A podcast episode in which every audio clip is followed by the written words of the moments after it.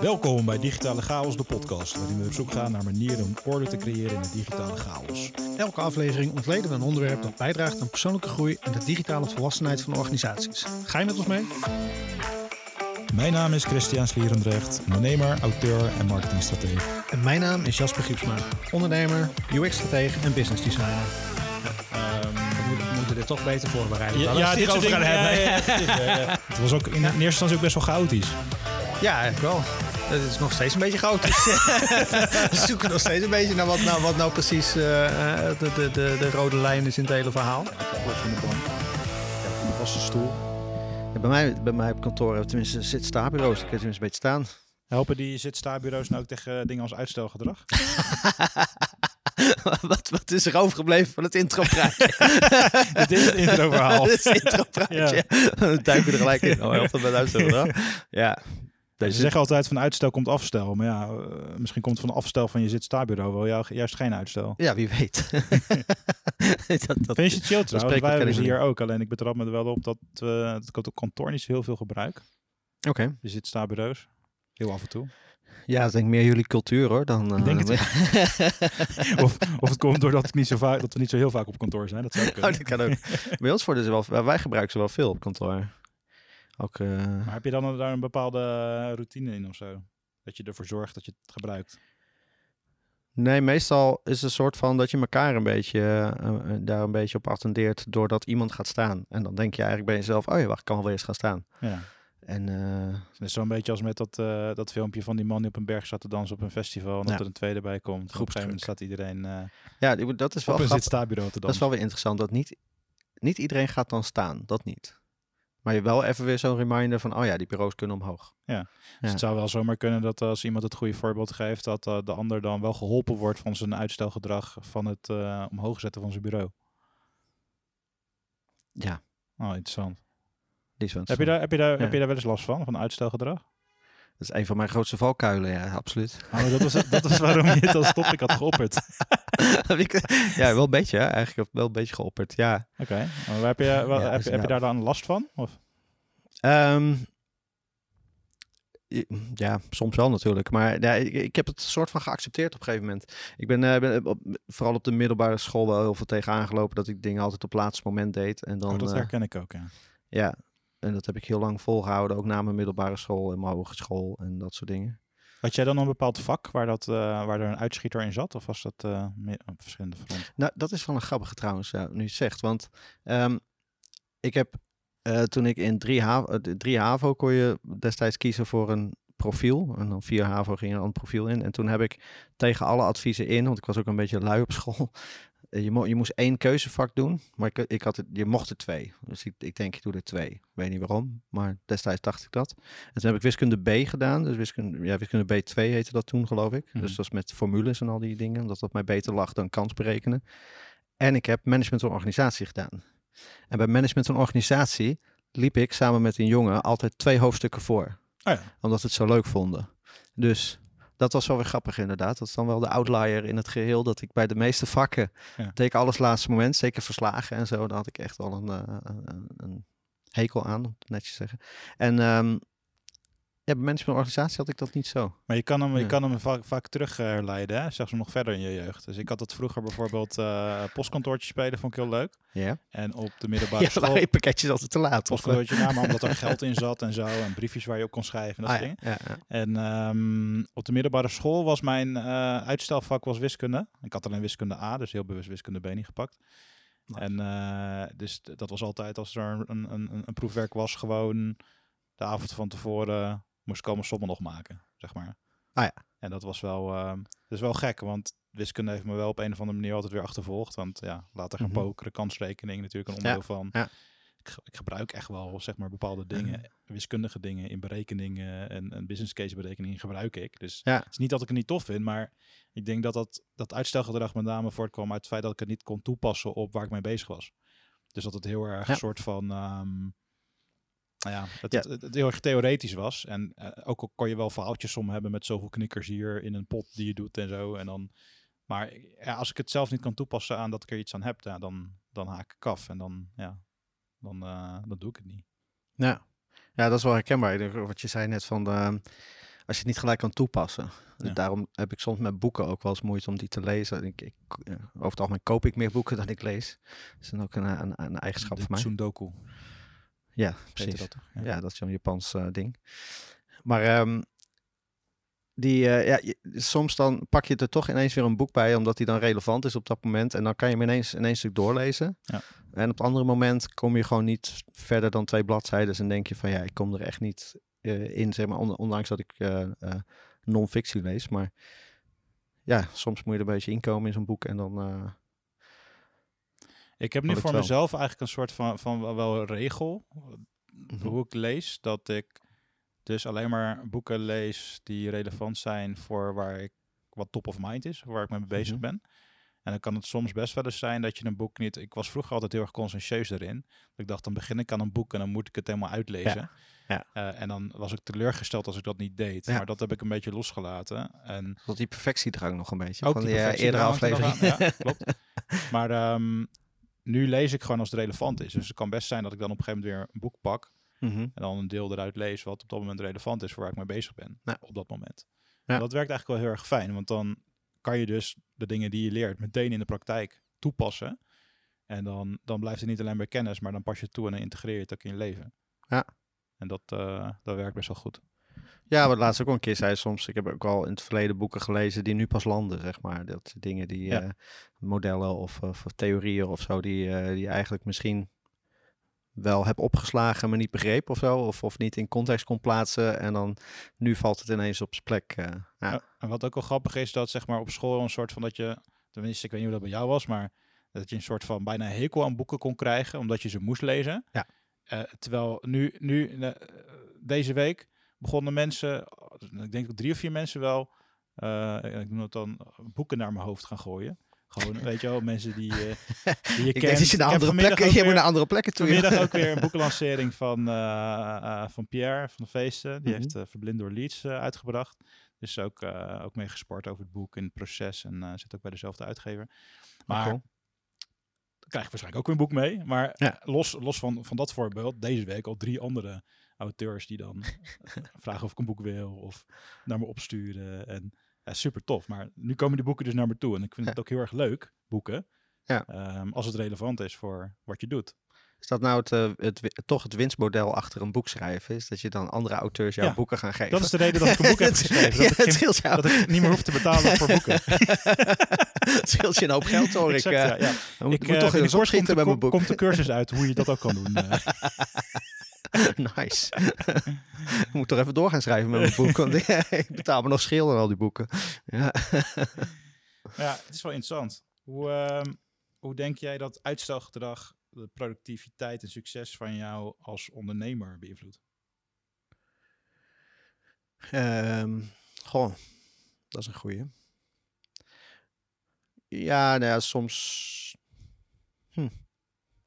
Soms heb je wel, denk ik, dat het je... Het het kan je soms in de weg zitten natuurlijk, als je dingen blijft uitstellen. En eh, soms heeft het ook te maken dat je ergens onzeker in bent, denk ik, in mijn geval. Of ergens eh, iets, moeilijk, iets heel moeilijk vindt. En misschien twijfelt of je het wel kan. En dan misschien ook een stukje perfectie, eh, drang wat daarmee speelt. Of imposter syndroom, eh, al dat soort, eh, dat soort dingen. Maar nee, ik denk het is soms wel belemmerd in iets snel oppakken. Of dat dingen soms onnodig meer tijd kosten. Soms heb ik wel eens met, zeker met uitstelgedrag, wel eens dat ik dingen groter maak dan ze zijn. En dan, ehm, dan kan ik me heel erg frustreren over mezelf als ik het dan daadwerkelijk ga doen. Dat ik dan merk van, oh wacht, ik ben met een half uurtje klaar. Of, hè, ik ben, eh, of het, geeft, het levert superveel op, dus ehm, eh, waarom heb ik die niet eerder gedaan bijvoorbeeld? Ja. Een heel een belangrijk, heel, heel goed voorbeeld vind ik. ehm, ik heb heel lang uitgesteld om te gaan adverteren op Google. Want ik had zoiets van, ja, wie gaat er nou een project, de projecten die wij doen, wie gaat het nou googelen? Nou, blijkt dus iedereen. Eh, en ehm, ja, een soort van, denk ik, een soort kronkel in mijn hoofd wat, wat zoiets had van dat, dat, dat zal wel niet werken, dus ik ga het ook niet proberen. Ik denk, en dan ehm, maar blijven uitstellen en dan wel denken van nou, misschien moet ik een keertje proberen, maar dat komt dan wel. En omdat je dan ook niet zo goed weet wat het is en de urgentie Ja. is er voor je gevoel niet en de kennis is er voor je gevoel niet, dat je het dan blijft uitstellen. En als je het dan eenmaal doet, dan denk je eigenlijk van, toen, hadden, toen wij eenmaal gingen adverteren, hadden we binnen twee maanden hadden we een van de grootste opdrachten ooit binnengehaald. Ja, dat is echt eh eh, Maar er zit, dus bizar dan, voor woorden. er, zit dan, er zit dan eigenlijk een soort van overtuiging onder of zo. Wat In dit geval zat er een onder overtuiging onder dat ik dacht dat het niet, eh, eh, niet zou werken voor ons. Nee. Ja. Dat is totaal onterecht. Dat is een heel mooi eh, zelfontwikkelingsmoment. Maar dan denk je Ja. wel van, oh, hadden we dit een paar jaar eerder gedaan, waar had je dan gestaan, bij wijze van spreken? Maar ja, nee, dat, eh, het dat- is, eh, op dat soort momenten kan het je flink in de weg zitten. Ehm, enerzijds als er een, on- een, verkeerde overtuiging achter zit, waardoor je iets misschien niet doet. Ehm, maar ja, so- ook letterlijk als ik het blijf uitstellen omdat ik niet weet, ehm, eh, omdat ik het moeilijk vind of omdat ik er op een of andere manier geen vertrouwen in heb, in mezelf misschien. Dat je het dan blijft uitstellen en dat je eigenlijk denkt van ja, ik had veel eerder, nou in het geval van Google Advertising had ik veel eerder opdrachten, meer opdrachten kunnen binnenhalen. Of eh, in het geval van ehm, een strategie op papier zetten van oh, daar hadden we veel eerder duidelijkheid gehad en kunnen vliegen of eh, wat, wat dan ook. Ja, waar, waar ik hem dan weer heel erg herken is eh, bijvoorbeeld in, in dingen die ik gewoon echt niet leuk vind. Weet je, zoals administratie. En dat is dan niet bijvoorbeeld niet te moeilijk, want kan het gewoon. Ja. Ehm, en je weet dat het nut heeft. En, maar dan, dat, dat zijn dan dingen die, die, ja, die ik wel voor me uitschrijf. Omdat ik het gewoon niet, niet leuk vind. Het zit er stiekem ook niet gewoon onder dat het, dat het moet. Misschien wel. Want Dat als ik dan als eenmaal, als ik er dan, eenmaal in zit, zeg maar, en ik, ik, ik kom een beetje in die flow en het wegwerken en dan wil ik het ook gewoon af hebben. En dan, Ja. dan in dat moment is het eigenlijk helemaal niet erg om te doen. En dan, dan is wel de, de reward als je klaar bent, ehm, is best wel hoog. Zeg Ja. Maar het gevoel van, ik heb dus recent, ik denk vorige week of de week ervoor, de jaarstukken van, eh, van 2022 eh, eh, ook afgerond. En eh, nou ja, dat, dat, dat ging eigenlijk sneller dan ik dacht. Ja. En ja, dan was het of, of, of matches en ingediend. En dat is gewoon wel een lekker gevoel. Ja, ja. Ehm, maar ja, dan sommige dingen. Ik had het ook eerder geregeld kunnen hebben. Ja, grappig is dat, hè? Ja. Dat het toch ook wel gelijk is waar je dan aan denkt. Op het moment dat je, dat je het dan uiteindelijk doet en iets blijkt makkelijker te zijn dan het is of korter te duren, dat je dan wel gelijk denkt van, ah shit, had ik het maar eerder gedaan. Ja. Toch gelijk dat, eh, dat stemmetje eroverheen. Ja. ja, dus ik denk Ja. dat iedere ondernemer dat wel, daar wel bepaalde dingen van heeft. En ja, goed, het voorbeeld van administratie kun je natuurlijk. dat, dat is nu ook gewoon minder werk, omdat heel veel gewoon ook gedaan wordt door de boekhouder of accountant eh, die erachter zit. Maar ehm, ja, ik heb dan ook nog een, bijvoorbeeld nog een oud eenmanszaakje wat er nog in zit. Ja. Ja, waar ik gewoon wel zelf moet bijwerken. en dan, eh, misschien kan dat er volgend jaar uit, maar uh, liepen nog wat aftrekposten in. En zo. dus die wil je niet, die wil je dan niet loslaten. Ja. Maar, nou, maar dat herken ik ook al. Als je, dat je taken, taken die echt niet leuk zijn om te doen, dat je dat ook wel lekker kan uitstellen of eh, kan... ja, een beetje voor je uit kan blijven schuiven, inderdaad. Maar het, hij, is denk ik, het- hij is denk ik meest interessant voor dingen die, waarvan je gewoon weet dat het belangrijk is voor je business. Heb je, daar, heb je daar dingen van top of mind? Van zijn er dingen die belangrijk zijn voor je business die je bijvoorbeeld in het verleden hebt uitgesteld en dat je achteraf eigenlijk er misschien wel heel anders naar keek? Nou ja, ik denk wel dingen als. eh, als je kijkt naar grote thema's binnen het bedrijf, dan is het wel dat we vrij lang gedaan hebben over het goed vastleggen van een strategie. Mhm. En de richting waar we heen willen. En ik denk dat dat, hoe, hoe- ja, dat dat veel eerder had gekund. Maar dat grappig genoeg heeft soms uitstelgedrag ook als resultaat dat je dingen dan groter maakt dan ze misschien ook zouden moeten zijn. Ik denk ook dat wij ons in het verleden wel flink verslikt hebben in het te groot willen maken van de strategie. Of het te veel willen vastleggen. Of het soms ook weer te breed willen vastleggen. Dus dat je uiteindelijk niks kiest. Want je strategie is eigenlijk kiezen natuurlijk. Van wat doe je wel, maar vooral Ja, ook wat doe je niet. En eh, ik denk dat wij... kan, je, kan je die uitleggen? Wat, wat bedoel je dan met groot maken? Of wat zijn er, waren, werden dat dan hele plannen? Of, Ja, enerzijds denk ik dat, dat we soms in ons hoofd hadden dat je heel veel vast moet leggen. Of dat er een soort van ehm, hele formele volgorde is of zo. Dat je uh, je missievisie, je, je, je, strategische doelstellingen, en die moet je dan weer cascaderen naar kleinere doelstellingen. En die moet je dan weer cascaderen Goeie oefening taken. En het is hartstikke goed en het is uh, heel fijn om te doen. Alleen wat wij, waar wij op een gegeven moment tegenaan liepen, denk ik wel, of een periode tegenaan gelopen hebben, is dat we dingen um, zeg maar zo breed wilden verwoorden dat het allesomvattend was, ja. dat je eigenlijk geen keuze maakt. Ja.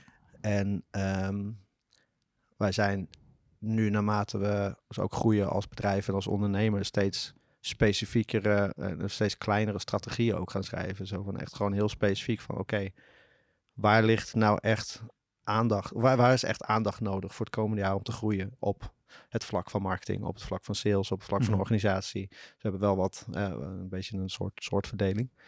Maar gewoon veel concreter. Zo van oké, videomarketing. Weet je, misschien is dat gewoon een strategie voor het komende jaar, komende twee jaar. Gaan we daarop inzetten. Of ehm, ja, Maar wat, wat ik wel heb gemerkt, wat er dan eigenlijk boven hangt, is dan echt een beetje de missie, missie en de visie. En dat, dat helpt wel heel erg. Als je die echt heel scherp hebt, mhm, dan is het ook veel makkelijker om die keuze te maken om wel even, even die, die kikker te eten, eat that frog. Omdat het Mhm. bijdraagt aan je missie en je visie. Ja. En die keuze vind ik dan voor administratie wat lastiger, want die, die connectie kan ik, en dat is gewoon Ja. iets wat moet vanuit de Belastingdienst. Ja. Die kan ik dan wat minder maken, maar die kan ik wel rijmen met bijvoorbeeld taakjes die dan wat minder eh, interessant zijn of zo. Of kijk, Ja, maar je hebt natuurlijk gewoon eh, in je bedrijf heb je natuurlijk verschillende soorten taken en verschillende soorten processen. En ik denk een deel daarvan is gewoon iets wat, noem het even hygiëne is, zeg maar, Ja. wat gewoon hoort. Dus je administratie, eh, eh, ja, ook gewoon je, je, je, je meetings af en toe een beetje bijpraten over wat, waar het werk staat, je projectmanagement, dat soort dingen. Ja, dat zijn dingen die gewoon een soort hygiënevoorwaarden zijn om Ja. überhaupt een bedrijf te zijn. Maar daaromheen heb je natuurlijk wel dingen waar je of kan onderscheiden of waar je een ander soort aandacht of een ander soort ehm, ehm, ja, hoe noem je dat, mindset voor nodig hebt. Of Wat ik, wat, wat, wat, ik, wat, ik, wat ik denk is dat ehm, uitstelgedrag ook, ook komt door, doordat je te veel dingen wil doen. Een beetje in het verlengen met wat jij, wat jij net vertelt over eh, een strategie te breed of, of eh, Mhm. niet, niet, niet concreet maken. Maar wat heel erg goed werkt is als je dus een hele duidelijke visie en missie hebt en dan je commit aan één ding dat moves the needle op die visie en die, die missie. Dus Ja, ja het, precies. het maakt echt een enorm verschil of je bijvoorbeeld twee of drie, als je in één week, zeg maar, dus dat je begin van de week bijvoorbeeld gaat kijken, oké, dit wordt mijn week, dit worden mijn weekdoelen. Ehm, als je dat allemaal focust rondom één doel, dan is de kans veel groter dat je uitstelgedrag minder wordt dan wanneer je het focust rondom drie doelen. Want dan wordt de complexiteit groter, de verschillende soorten eh, taken zijn misschien wel anders. Nou, dit Ehm. heb ik ook wel tegen. Dit zijn wel dingen waar ik tegenaan liep toen ik ook op een gegeven moment wat overwerkt raakte. Is dat je op een gegeven moment te veel doelen hebt met te veel taken. En dat het een soort van verlamming eh, inslaat bij jezelf. Zo van eigenlijk ergens gewoon niet meer weet waar je moet beginnen. En ergens niet meer weet hoe je. ehm, welke volgorde erin zit. En dan wordt het op een gegeven moment te complex. Gewoon überhaupt de taken en de, en de Ja. dingen die voor je liggen worden gewoon Maar te veel. Dan, dan, dan ontstaat een beetje dat, eh, ik weet niet of je daar goed een Nederlands woord voor hebt, maar procrastination. Mhm. Want volgens mij, er zit wel een verschil tussen procrastination en of procrastinatie, is het denk ik gewoon. tussen procrastinatie en uitstelgedrag. Ja, is het zo? Ik denk het wel. Maar, ja, maar uitstelgedrag kan ook zijn dat je bepaalde dingen niet doet en andere dingen wel. Ja. En procrastination of procrastinatie is volgens mij dat je echt Echt voor je soort uitschuiven. van een beetje verlamd wordt of voor je uit gaat staren of gaat scrollen op social media zonder Mhm. dat daar een doel achter zit. Tenminste, dat Het soggen en woggen. Het? Soggen en woggen. zorg gaan bochen, leg je Nee, zei. soggen en woggen. Dus, dus je hebt soggen, dat is studieontwijkend gedrag. Oh ja, En woggen is werkontwijkend Ja. studieontwijkend Ja, gedrag. soms, soms wel eens, ja, eh, studenten onderling hebben dat wel eens, maar inderdaad met werk, ja, dat, dat kan je wel hebben, denk ik, als je... Maar ja, er kunnen denk ik heel veel factoren zijn waarom je gaat, eh, eh, ja, afleiding gaat zoeken, zeg maar. Even on en een dat gaat side note, even on een side note, even terug naar wiskunde. We Ja. hadden op de middelbare school hadden wij een wiskundedocent. En ehm, wiskunde, tijdens wiskunde hadden we vaak een blokuur, twee, tweeënhalf Oké. uur. En wat wij dan deden, die docent, die zag gewoon niet wat er gebeurde in de klas. Ah. Dus die zat gewoon in zijn eigen boek te kijken. En dan liepen wij gewoon naar buiten, gingen we op het terras zitten. En dan twee uur later, vlak voordat de les klaar was, kwamen we weer naar binnen, gingen we weer zitten. Had hij niet door. Serieus? Ja. Dat, was al werkontwijkend gedrag. studieontwijkend gedrag. Maar goed, dat was ook dat, dat was een bijzonder geval. Want er was ooit een keer iemand die een stroopwafel tegen de muur achter zijn rug kapot gooide. Ja, En toen merkte hij dat ook niet. nou echt waar? Ja. Jeetje. True story. Oh, bizar. Ja. Ja. Even zijsportje. Nou, over, over, over, wiskunde. gesproken. over wiskunde, wiskunde op de middelbare school gesproken. Ik had daar wel, eh, ik was, ehm, eh, misschien mijn eigen wijsheid kwam daar al heel erg naar voren. Ik, was, ik, ik vond wiskunde rela- relatief makkelijk, zeg maar. Eh, zeker met, met formules, dat lag mij of zo. Eh, maar ik werd er zo lui van dat ik, we hadden, bij wiskunde had je zeg maar elke keer een alinea wat je moest doen. En dan had je twee rijtjes met sommen, twee pagina's met sommen, als een A5-boek. En ehm, die sommen die waren dan een soort van, had je één of twee inleidende sommen en dan had je één of twee eh, ja, medium. En dan had je nog een wat moeilijkere en dan had je zeg maar de moeilijkste, die eh, zeg maar het het hele hoofdstuk soort van samenvatte in één berekening. En ik was dan zo'n eikeltje die dan altijd alleen die laatste som maakte. En eh, als ik dan huiswerk moest laten zien, dan zeg ik van ja, maar ik heb toch de moeilijkste gedaan. Waarom? Dan snap ik het toch. en dan eh, was regelmatig dat het antwoord wel klopte, maar de berekening daar naartoe niet. Oké. En dan had ik wel eens discussies met die Hoe weet leraar. je dat zonder AI? ja, nou ja. ik weet niet hoe, maar eh, die, eh, ik, wa- ik was niet de makkelijkste leerling, denk ik, op dat moment. Maar die, dan zei ik zo van, ja, maar ik heb toch de moeilijkste som gemaakt, dan Ja. snap ik toch hoe het werkt. Hij zegt, ja, maar je hebt niet de goede methode gebruikt. Hij zegt, want als je, als je een andere, andere, iets andere som zou hebben, of een iets andere formule, dan klopt jouw manier niet meer en dan kom je op het verkeerde antwoord uit. Maar toevallig was het altijd het goede ja, antwoord. maar toen zei, toen zei ik tegen hem, ik zeg maar ja, als ik een andere formule krijg, dan maak ik een andere berekening. en toen heb ik het een keer zo bond gemaakt dat hij zei van, nou, je gaat nablijven. En we waren, even bij wijze van spreken, hoofdstuk 9 waren we halverwege en we hadden nog, eh, nog wel een paar alinea's te gaan. Hij zegt, en dan ga je gewoon, een, je moet nablijven en je moet een proeftoets maken. En dan eh, gaan we kijken hoe, eh, hoe goed je dan bent, zeg maar. En toen haalde ik een 8,5 voor die proeftoets. Nice. Sindsdien mocht ik, mocht ik alleen de laatste som maken van de pagina. ja, Ja, dat was ook een goed, soort, ja, soort eh, werkontwijkend gedrag, maar meer uit een soort baldadigheid of uit een soort van, eh, ja, weet ik niet, maar arrogantie. ja, een stukje ondernemerschap. Een stukje ondernemerschap. Nee, maar dat is ook volgens, efficiëntie. Maar volgens mij wel, ja, efficiency. Ik bedoel, eh, waarom zou je ehm, helemaal een perfecte methode gaan leren als eh, het resultaat ook kan op jouw eigen manier? Dus Ja. het is wel een stukje Ja. ondernemerschap dan, wat al aan het ontkiemen was. Niet op de beste manier. Ja. Ja. Nou ja, goed. Ik, ik, ik denk ook wel, dat is misschien wel leuk om te verkennen, maar het heeft volgens mij ook wel iets te maken, uitstelgedrag of procrastination. Het, het heeft denk ik ook wel iets te maken met ehm, duidelijkheid hebben in verantwoordelijkheden, ook binnen een team. Of misschien een stukje Mhm. accountability. Of accountability voelen. Ja. Maar als je een hele duidelijke, eh, ze zeggen ook wel eens, eh, dat zie je veel in de start-up wer- wereld, van oké, eh, what is your one metric that counts? Weet je wel? Je heeft Ja. iedereen gewoon één nummer ehm, eh, waar je op stuurt.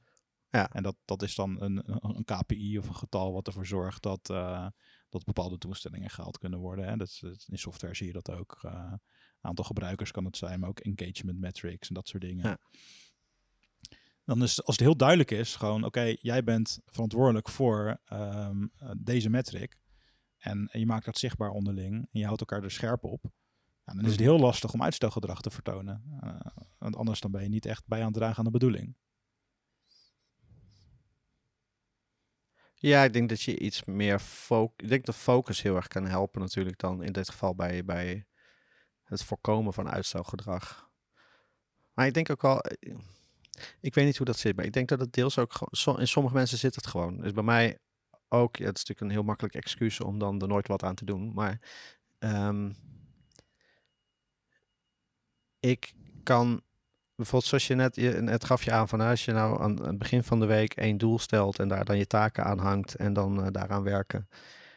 Ik word daar dan ook weer heel erg recalcitrant van of zo, van mijn eigen doelstellingen. Dat ik zoiets heb van ja, maar ik wil nu aan iets anders werken. En dan krijg ik heel erg dat, dat ontwijkende gedrag van juist. Dus ik kan, ik kan ontzettend goed plannen. Ik kan me er een heel slecht aan houden. en dat is vaak mijn uitdaging. Is als ik dan... eh, soms heb ik zoiets van... ah, ik, ga, een- ik ga een to-do-lijst maken. En dan ga ik heel strak eh, aan mijn doelstellingen werken. En dan ga ik er heel erg mee bezig.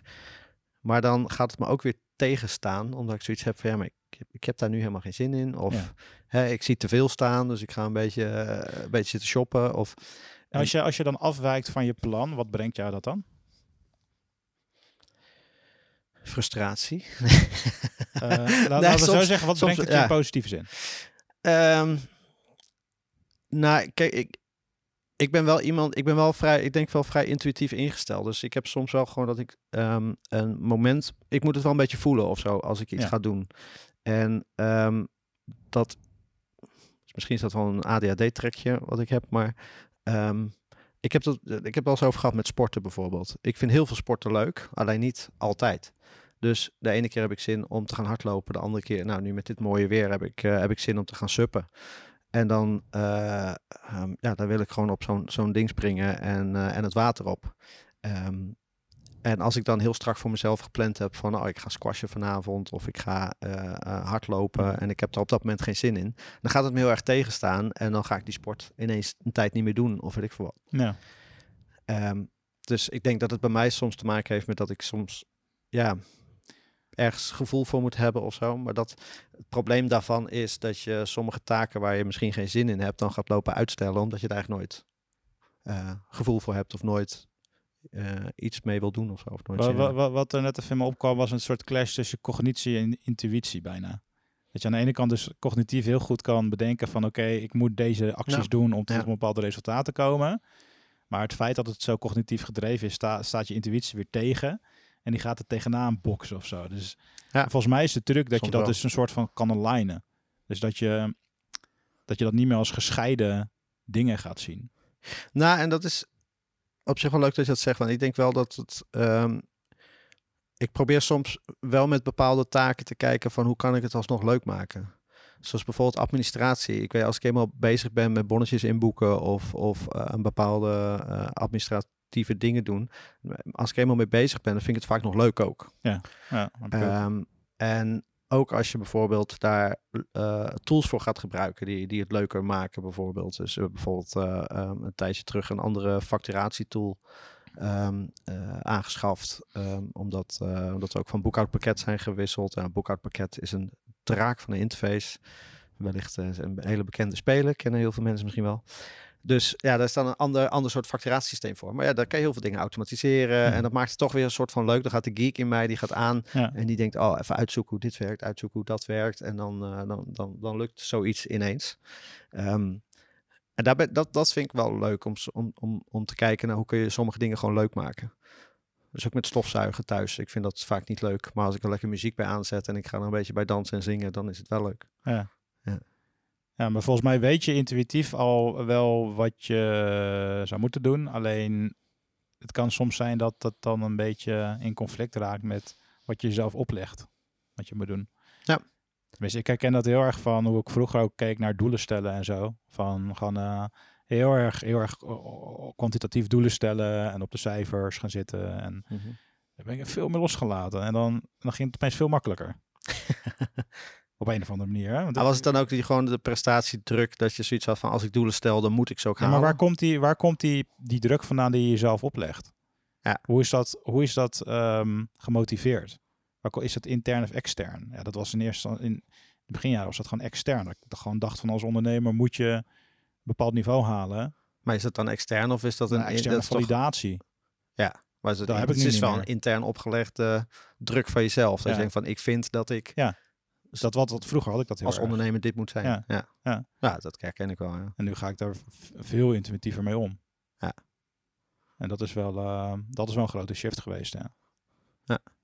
Ehm, en dan ga je misschien ook wel ontdekken dat sommige, sommige taken of sommige werk past gewoon niet in jouw intuïtieve benadering van eh, ondernemerschap. Of van- eh, Ja. van je missie en je visie misschien. Weet je, dat, dat zijn wel dingen die, die ik wel iedere ondernemer zou aanraden om dat te verkennen als je dat niet- nog niet scherp hebt. Er zijn heel veel, ook ondernemers die gewoon al best wel, eh, best wel een team hebben gebouwd en Mhm. eh, lang meedraaien, maar die gewoon nog nooit hebben nagedacht over van waarom doe ik dit eigenlijk? En dan is het nog steeds extern gemotiveerd, omdat ze denken van ja, ik moet succesvol zijn. Want, eh, maar goed, het gaat vaak dan heel erg terug. Hè. Dan, eh, Ja, nee. eh, tot, tot aan een relatie met, met de papa of de mama. maar daar komt het vaak wel vandaan. Toch wel. Ja, Nou, toch maar eens even in gesprek gaan. ja met, jezelf, denk- met jezelf ja, ja, in ja. eerste instantie. Hè? Maar ik denk Ja. wel dat ehm, ik herken hier wel een hoop dingetjes in waarvan ik die ik ook wel herken bij andere ondernemers. Ik denk dat het ook een beetje de reis is die je doormaakt, de persoonlijke ontwikkeling die je doormaakt als ondernemer. Ja. Ik denk dat iedereen die begint met ondernemen en ik denk ook de fase voordat je gaat ondernemen, dat je heel erg een beeld creëert van ik moet dit, ik moet dat, een be- een bepaalde druk oplegt voor jezelf. Dat hoor ik ook vaak bij mensen die dan nog twijfelen om een bedrijf te beginnen, die dan Mhm. ook zoiets hebben van ja, maar dan moet het wel gelijk goed en dan moet het wel gelijk dit en dan moet het wel dan, hè, dan ben ik wel ondernemer, weet je wel, dat Er soort. zit dus ook weer een bepaalde overtuiging onder. Ja, absoluut. En ik denk dat je jezelf een soort van, ehm, zeker in het begin, een bepaalde, bepaalde druk oplegt van ik moet dit ook kunnen of ik moet dit ook doen als ondernemer. En dat, dit hoort er ook bij als ondernemer. En dat je gaandeweg, en denk toch ook wel dat, je, dat ik dat zie bij veel ervaren ondernemers, dat je toch hoort dat intuïtie steeds belangrijker wordt. En ook steeds meer, ehm, naarmate de jaren van ondernemen zeg maar voorbij gaan, dat je ook steeds meer merkt van oké, hier ben ik goed in en hier moet ik me niet mee bezighouden. Dit moet ik gaan uitbesteden of dat moet ik gaan doen. En daar heb je op een gegeven moment, als, als het goed is, als je wat langer onderneemt, ook de middelen voor. Ja. Maar ehm, ik denk dat, dat ik dat wel een beetje herken bij heel veel. Dat je, dat je op een gegeven moment toch... Nou, hebben wij allebei natuurlijk ook meegemaakt met zakenpartners. Dat je op een gegeven moment tegen elkaar zegt van... Volgens mij moeten we onze rollen eens anders gaan inrichten. Want ik vind dit leuk, jij vindt dat leuk. En zo ontstaat een takenpakket waar je allebei goed bij voelt, zeg maar. Wat een hele leuke exercitie is om te doen. Of misschien kunnen we die ook, ook wel hier even doen hoor, samen. Maar zeg maar terugkijken, terugkijken van wat zijn nou de momenten geweest die de meeste impact hebben gehad op jou als ondernemer. In positieve zin. Een beetje, een beetje ondernemerstherapie dit. eh. Ja, nee, maar dat is, het is een hele interessante oefening om te doen. Ja. Want ehm, het zijn vaak momenten eh, of beslissingen die je hebt gemaakt, waarvan Mhm. toen je in, dat, in die beslissing zat, vond je dat heel erg moeilijk. Ja. Bij mij is bijvoorbeeld eh, de beslissing om een baan op te zeggen en gewoon blanco te beginnen met ondernemen. was een enorm grote eh, verandering. Ja. Grote beslissing. Maar als ik terugkijk, en dat is nu bijna 13 jaar geleden, was dat wel, dat heeft dan een enorme positieve impact gehad op hoe ik in het leven sta en ehm et cetera. Ehm, en hetzelfde geldt inderdaad met eh, focus pakken in je rol of eh, een, een business break-up bij ons. Hè? Dus we zijn begonnen met vier, met, met vier compagnons. Dus op een gegeven moment uit elkaar gevallen was echt geen leuke periode. Ik wou Nee. dat graag bij elkaar houden.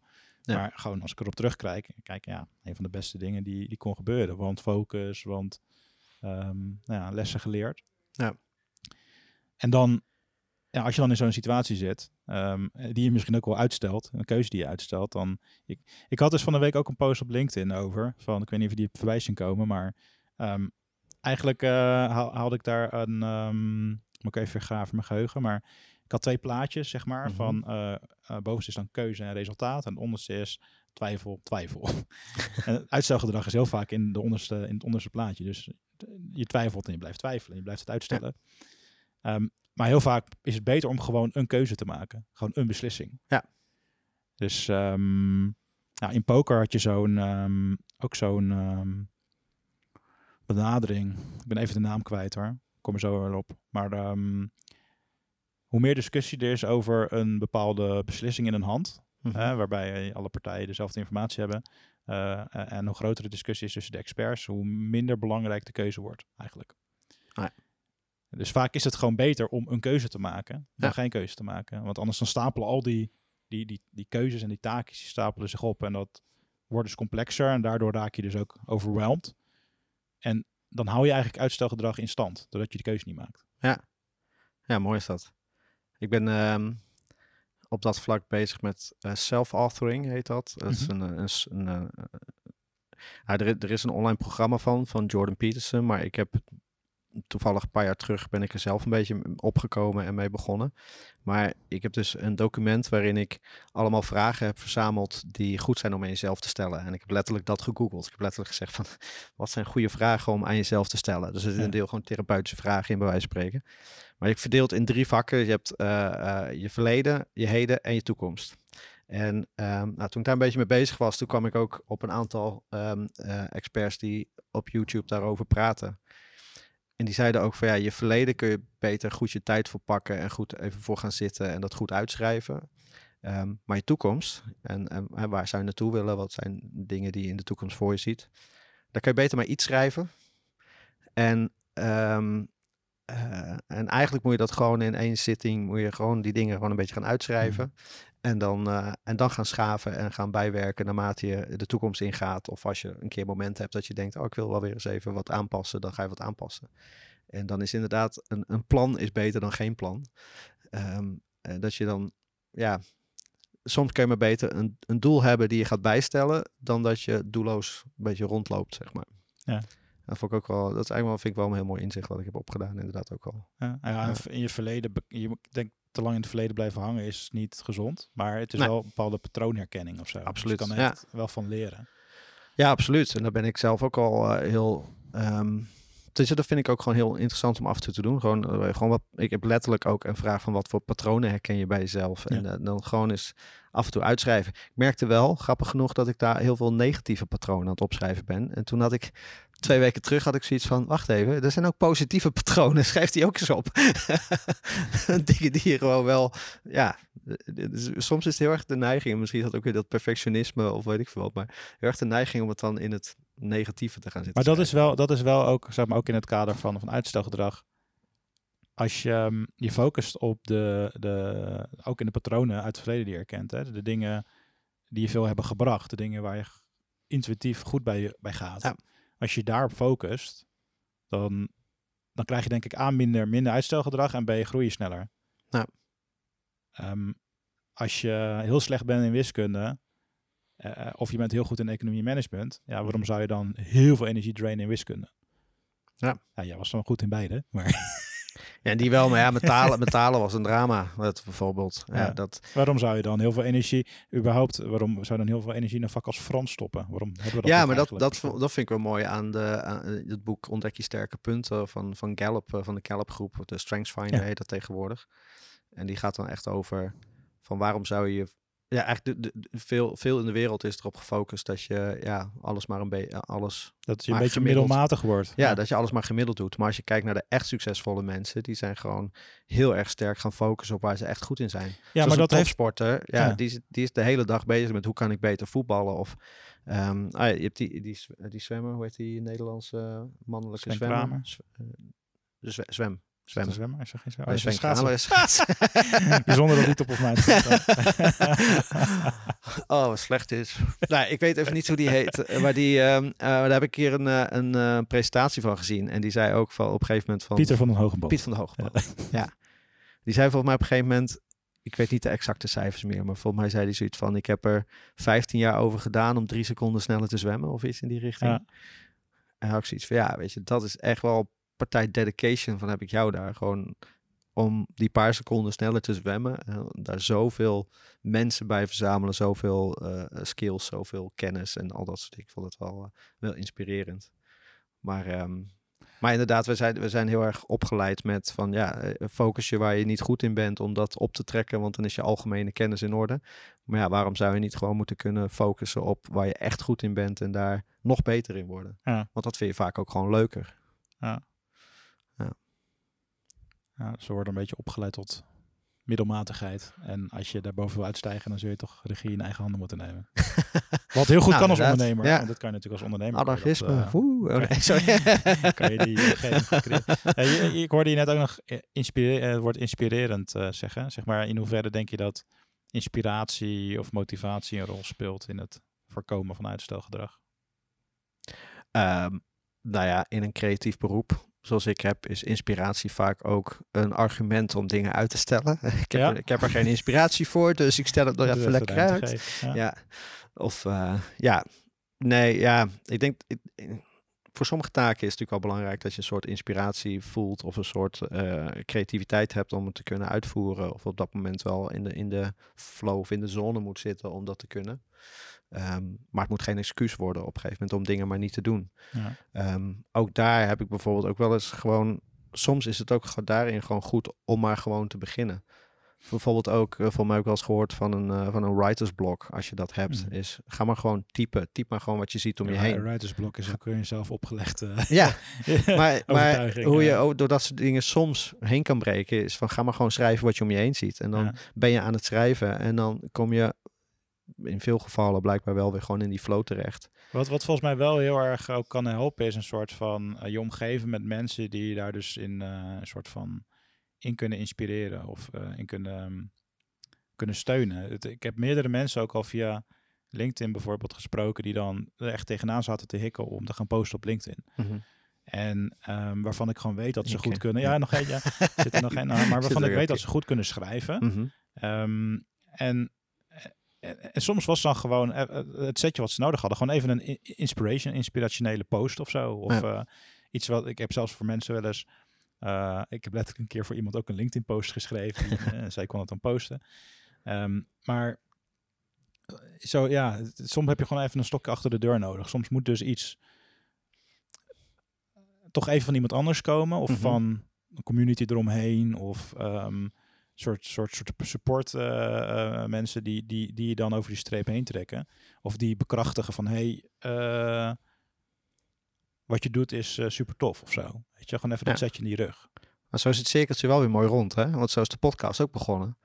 Als accountability buddies. Ja. en waar, wij, Ja. waar wij op een gegeven moment toch af en toe een gesprek Klopt. hadden en zeiden van, eh, ondanks dat we daar ook wel een aardig, of nou ja, we ook al een aardig partijtje uitstelgedrag hebben vertoond met het eh, posten Ja, van de begin. afleveringen. eh, ja, Ja, er is- natuurlijk ook allerlei dingen onder. nu niet meer. Nu niet, ja, nou ik weet niet. Misschien moeten we deze ook maar over een paar weken gaan Dat posten. zouden we nog kunnen doen. Ja. Dat deze even, Deze even gewoon uitstellen. expres even nog vooruitschuiven. Ja.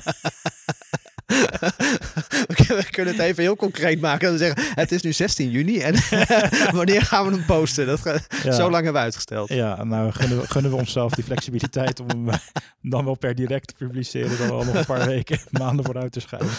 Ah, het zou wel leuk een chaotisch eh, eh, zou, ding zijn als we hem nu gewoon posten. Gewoon out, out of... buiten, nul- buiten, nul- buiten de nul volgorde. uitstelgedrag, Nul ja. uitstelgedrag. Gewoon nu, vandaag. Ja. Als soort le- ik zou bonusaflevering. zeggen, let's go. Ja? Ja. Mixen we hem zo Gaan gewoon we, af. ga, ga, ga- dan ronden we meteen af, want dan, moet je, eh, dan heb je straks nog tijd nodig om het te mixen. natuurlijk. oh ja, het hoeft, het hoeft niet heel moeilijk te zijn. Oké, Ja. nou, Nou, dat is ook wel leuk. let's do dat. Geen uitstelgedrag hier vandaag. Hartstikke idee. Gewoon Nice. spijkers met koppen en gaan. Hebben we nog, nog een recap? Zeg maar, heb je er nog dingen uit eh, die we even kunnen rounduppen? Er zit vaak achter uitstelgedrag dus een vaak een bepaalde overtuiging. Of een Ik, ik, kom daar later, ik kom daar later op terug. Ja. Ja, dat is goed. Nou, dat is denk ik één. Dus er zit vaak een bepaalde beperkende overtuiging onder. Ik denk dat het heel erg goed kan eh, helpen als je toch een beetje introspectie doet. Om te kijken van oké, wat voor patronen uit het verleden kan je ontdekken die je tof vond. En waar liep je op vast? Af en toe even jezelf bekijken, even van een afstandje, denk ik Ja. dat dat heel goed is. Inderdaad, gewoon kijken van oké, ik merk dat ik aan het uitstellen ben, maar waarom doe ik dat? En eh, inderdaad, zit daar een overtuiging onder? Zit daar misschien onzekerheid onder? Of zit daar in, ehm, heb ik er misschien even hulp bij nodig? Moet iemand even op weg helpen? Ik denk dat Ja. dat wel een goede is. Nou, een derde is, eh, denk goed na over je visie en je missie. En hang daar alles aan, aan, aan op. Dat, dat kan ook al heel Ja. goed helpen in het minimaliseren van uitstelgedrag. En soms ehm, ook een kwestie van gewoon even beginnen. Ik denk dat sommige, zeker wat taken waar je misschien geen zin in hebt of waar je misschien wat minder plezier uit haalt, is het soms ook gewoon een kwestie van even iets doen. Ja. Dat is trouwens ook wel iets, eh, heb ik nog niet, nog niet benoemd, maar ik ben soms ook gewoon ehm, bijvoorbeeld, nou, waar zou je het mee kunnen vergelijken? Nou, stel dat het gaat om facturatie, als je daar geen zin in hebt of iets. Soms had ik ook wel, heb, je- heb je dan, kan je dat ook oppakken door gewoon te zeggen van, nou, ik stuur er nu gewoon even één. Mhm. En dan hè, morgen weer één. En dan soms als je die taken, noem het even de kaasschaafmethode. Dus je kan zeggen van, ik maak het even klein. En eh, bijvoorbeeld, eh, nou, ik heb op een gegeven moment ook wel eens eh, ehm, met het schrijven van een boek best wel doelen gesteld van nou 500 pagina's per dag of, of per, per, per schrijfsessie. Pagina's? Nee, zo? sorry, niet vijf- 500 woorden per schrijfsessie. Of wat dan ook. Ja. Dat was het, ja. Het is wel heel veel. Schrijf één boek per sessie. nee, maar dat je... ehm, eh, het dan misschien ook weer te groot maakt voor jezelf. Ja. Dus misschien is 100 woorden ook prima. Of is ehm, dat moment dat hetgene wat je doet. Maar als je dan ja, zo'n taak op geheim maakt, kan het ook Ja. goeie. Volgens mij zijn dat zo. Ja. Goed. Thanks voor deze. Bedankt. Tot volgende keer.